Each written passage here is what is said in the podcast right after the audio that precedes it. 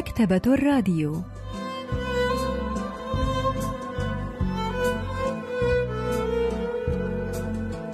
أهلا وسهلا بكم في حلقة جديدة من البرنامج الأسبوعي مكتبة الراديو الذي نستعرض من خلاله كتابا جديدا كل أسبوع.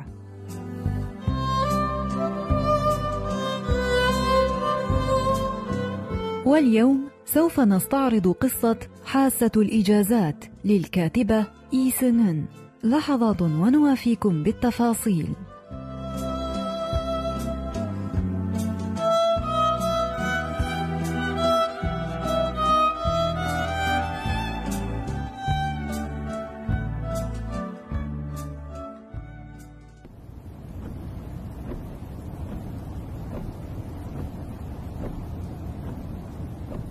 كانت السيارة الفضية تسير تحت المطر.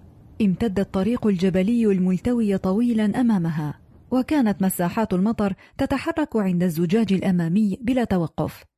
أدار كيونغ هو عجلة القيادة بسلاسة.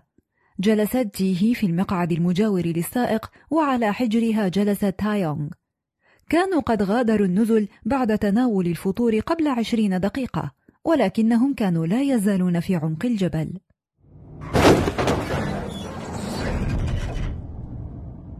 مرت السيارة فوق مطب بنهاية الطريق وترددت أصداء الأصوات العالية المعتادة داخل مصنع الصلب في السيارة. توقفت السيارة الفضية التي كانت تسير مسرعة تحت المطر قبل قليل في وسط الطريق.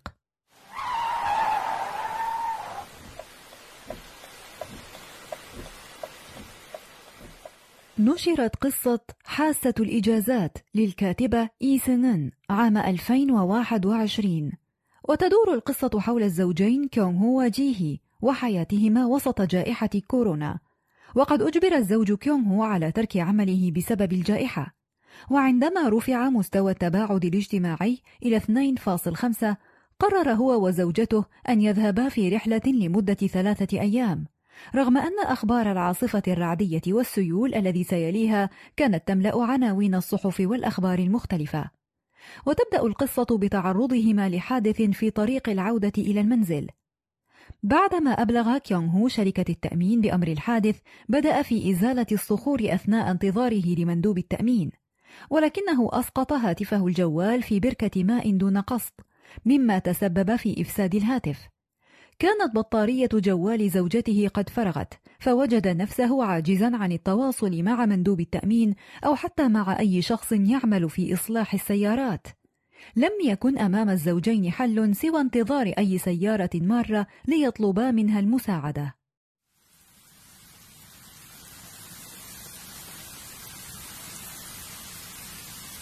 اقتربت سيارة فتحت كشافاتها الأمامية. أمسك كيونغ بالمظلة وقفز خارجا من السيارة. فتح قائد السيارة السوداء نافذته. كان السائق رجلا وكان بجانبه امرأة عجوز. قال يوجد متجر سوبر ماركت يعمل لأربع وعشرين ساعة على بعد ربع ساعة من هنا.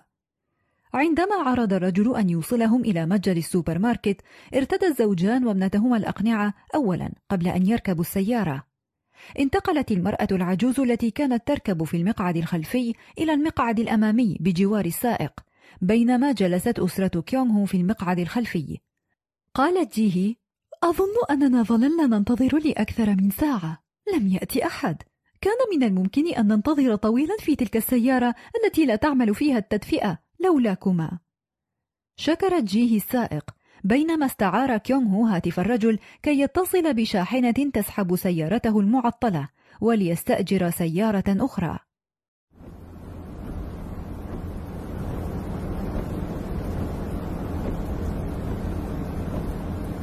ماذا حدث لسيارتك؟ سقطت عليها صخرة من الجبل. لم أستطع أن أتفاداها لأنها سقطت في اللحظة التي كنت أنعطف فيها. قالت المرأة العجوز قلت له أن يوقف السيارة. لقد رآكم ابني ولكنه كان ينوي أن يواصل طريقه. ليس من السهل أن يصطحب المرء غرباء في سيارته خاصة في هذه الأيام. نحن نقدر لكما هذا حقا. قال الرجل إنه كان في طريقه لاصطحاب والدته من مستشفى رعاية المسنين إلى منزلها.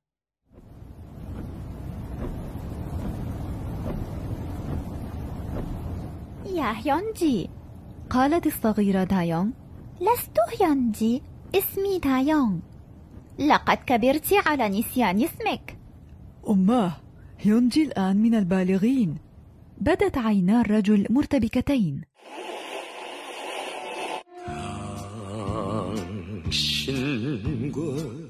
나 사이에 저 바다가 없었다면 أمي هل تعرفين من يغني هذه الأغنية؟ هل تذكرين اسم الأغنية؟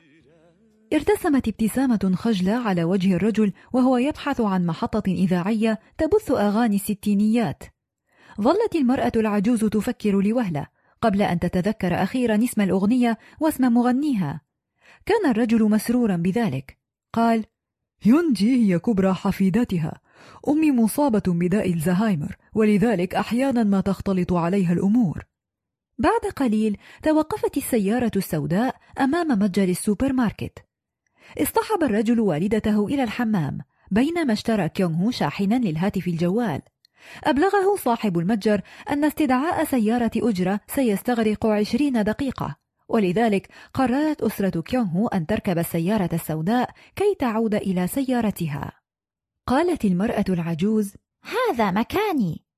اضطر كيونغ إلى الجلوس في المقعد بجوار السائق بينما جلست المرأة العجوز بجوار جيهي قال الرجل هل تأكدت من أنها لن تخلع حزام الأمان؟ خلعت المرأة العجوز كمامة الوجه فور انطلاق السيارة. أكد لهم الرجل أن والدته قد أجرت فحص الكورونا قبل يومين وأن النتيجة جاءت سلبية. قالت جيهي إنها لا تمانع ولكنها حرصت على التأكد سرا من أن كمامة وجه دايونغ مثبتة جيدا على وجهها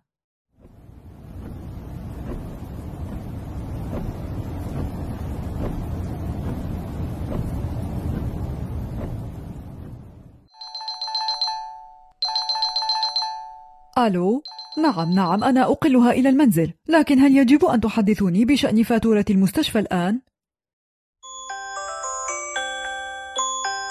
اتصلت والدة كيونغ هو بهاتف زوجته جيهي. كانت منزعجة جدا لأنها لم تستطع الاتصال بهاتف ابنها ثم علمت بأمر الحادث. قالت زوجته أخبرتك ألا ترد على المكالمة إنها غاضبة أليس كذلك؟ هنا أمسكت المرأة العجوز بذراع جيهي. أنا لست غاضبة. متى غضبت؟ لقد سمعت ما قالته زوجتك يا بني صحيح؟ إنها تصورني كامرأة شريرة. في هذه الأثناء تلقى كيونغ اتصالا من سائق الشاحنة الذي كان من المفترض أن يجر السيارة المعطلة من مكان الحادث يخبره بأنه وصل إلى مكان الحادث ولكنه لم يجد السيارة. وبينما كان كيونغ يشرح له طريقة الوصول إلى المكان مجددا تذكرت جيهي أنهما كانا لا يزالان يدفعان أقساط السيارة. قالت إن دواء أمي في السيارة كما أنك نسيت أن تأخذ هاتفك وأوراق التسجيل من السيارة. لم تختفي السيارة هذا ليس ما حدث. كان يجب ألا نذهب في رحلة. ما الذي كنت تفكر فيه هناك؟ لماذا لم توقف السيارة؟ كان من الممكن حينها أن تتجنب الصخرة. أطلق كيونغ تنهيدة حارة وهو ينظر خارج النافذة. بعد قليل تلقى مكالمة أخرى من سائق الشاحنة يخبره فيها بأنه وجد السيارة. ولكن المرأة العجوز بدأت تصرخ في ابنها أن يوقف السيارة.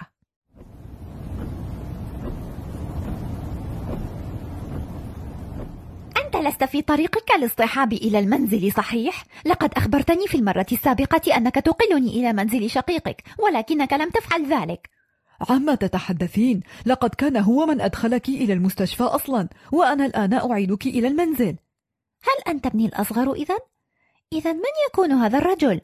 كلكم متعاونون معا في ذلك صحيح؟ أنتم تحاولون التخلص مني أوقف السيارة أنا لست مجنونة هل جلست أرجوك؟ صاح الرجل في أمه وهي تحاول أن تقف بينما لا يزال حزام الأمان مربوطا. نظرت المرأة إلى جيهي بعينين متسعتين ثم لكمت نفسها في صدرها. هل تشعرين بالغثيان؟ قربت جيهي كيسا بلاستيكيا من فم المرأة.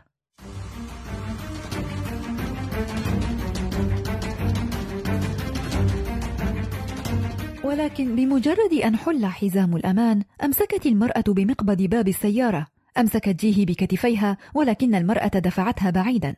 اندفعت جيهي إلى الخلف فاصطدمت بدايونغ التي اصطدمت رأسها بدورها في نافذة السيارة.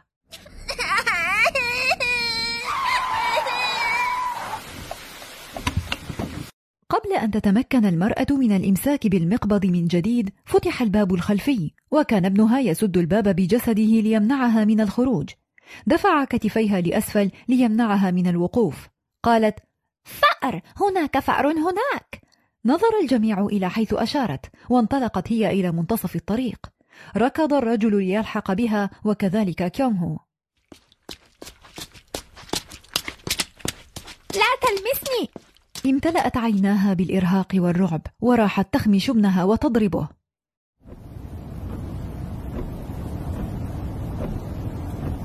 أجلسها الرجل في السيارة من جديد عنوة وربط حزام الأمان. كانت المرأة قد استنفذت كل قواها فنكست رأسها في هدوء. كانت عدستا نظارة الرجل قد كسرتا أثناء صراعه مع والدته ولذلك تولى كيونغ أمر القيادة. زادت السيارة من سرعتها وتعالى صوت المحرك. كان سائق الشاحنة غاضبا.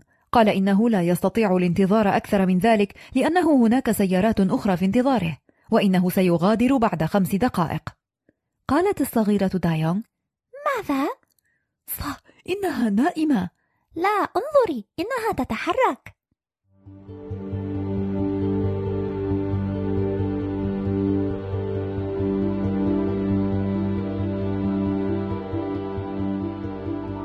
كما قالت دايونغ كان وجه المرأة يتحرك. كان أحد جفنيها ينقبض وينبسط باستمرار وكان الجلد الرقيق حول فمها يرتعد. عندما توقفت الرجفات التي كانت تحيط بشفتيها خرج من بينهما أزيز رفيع كصوت هواء يتسرب من أنبوب. أجفلت جيهي لم تستطع أن تشعر بأي أنفاس تخرج من فم المرأة أو أنفها اللذان كانا يلتصقان بذراعها. وعندما انعطفت السيارة عند أحد المنحنيات سقط جسد المرأة إلى الأمام.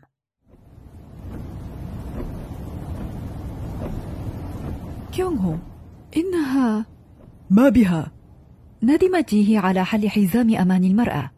كانت قد حلته حتى لا تشعر المرأة بالغثيان الشديد ثم حدث كل ذلك.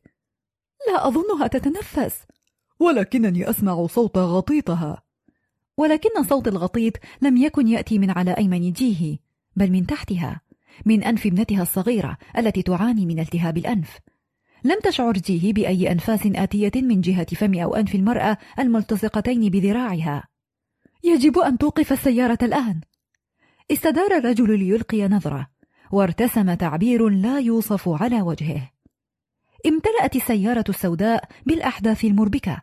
البروفيسور بانغ مينو أستاذ الأدب الكوري بجامعة سيول الوطنية يحدثنا عن ذلك 사람들이 2년, 3년씩이나 폐쇄된 삶을 살다 보면 인간의 본성과 폐쇄된 삶과 عندما يعيش الناس في ظروف من التباعد الاجتماعي لمدة عامين أو ثلاث على التوالي فلا بد أن يصطدموا مع واقع الانعزال القسري هذا وفي هذه الحالات يميل الناس إلى اتباع حدسهم وعنوان القصة هو حدس الإجازات وهي تدور حول أسرة تقرر أن تذهب في رحلة للاستمتاع بإجازة رغم ظروف الجائحة وفي طريقهم يقابلون رجلا يقل والدته المسنة إلى منزلها. وكل هذه الشخصيات تجد نفسها في ظروف غريبة غير معتادة يضطر فيها كل منهم إلى الاعتماد على حدسه في ردود فعله. وهي قصة ترينا أن كبت الطبيعة البشرية أمر غير ممكن حتى في ظروف قاهرة مثل الجائحة.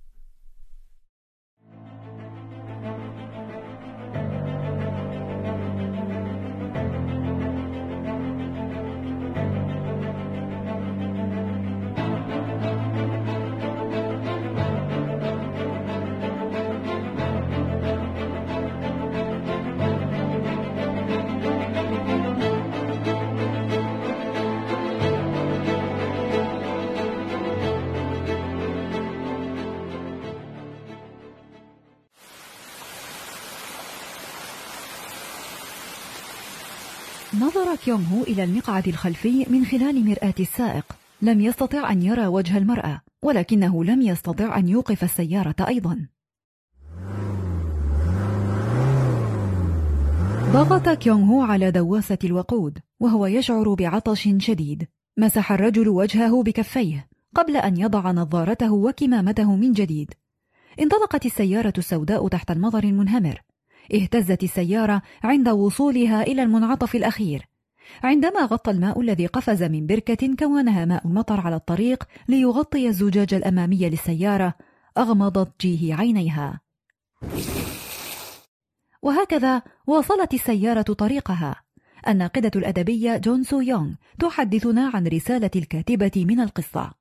이는 그칠 기색이 없는 데다가 차가 커브를 도는 위태로운 상황에서 물보라가 ظلت الأمطار تهطل وظل الزوج يقود السيارة رغم ظروف الطريق الخطرة وعندما تغطي المياه الزجاج الأمامي للسيارة فهذا يعني أنها تعيق رؤية السائق تماما وهو مشهد يوحي بأن الواقع لا يقل عن ذلك خطورة وكآبة وآخر جملة في القصة هي أغمضت جيهي عينيها ولكن ما شعرت به جيهي هو نفس ما شعر به كل من كان يركب تلك السيارة. فحتى عندما حدث أمر فظيع كموت والدة الرجل في السيارة تجاهل الجميع الأمر وواصلوا المضي في طريقهم. وقد كتبت هذه القصة في أوج اشتداد جائحة كورونا. عندما كنا جميعا نعيش في ظروف مشابهة كانت الأخبار السيئة تنهال علينا من كل جانب وكنا نشعر بالخوف من المستقبل. ولكننا استطعنا بطريقة ما أن نواصل طريقنا وحياتنا وهذه المشاهد تستعرض نفسية الإنسان وسلوكياته في هذه الظروف الصعبة.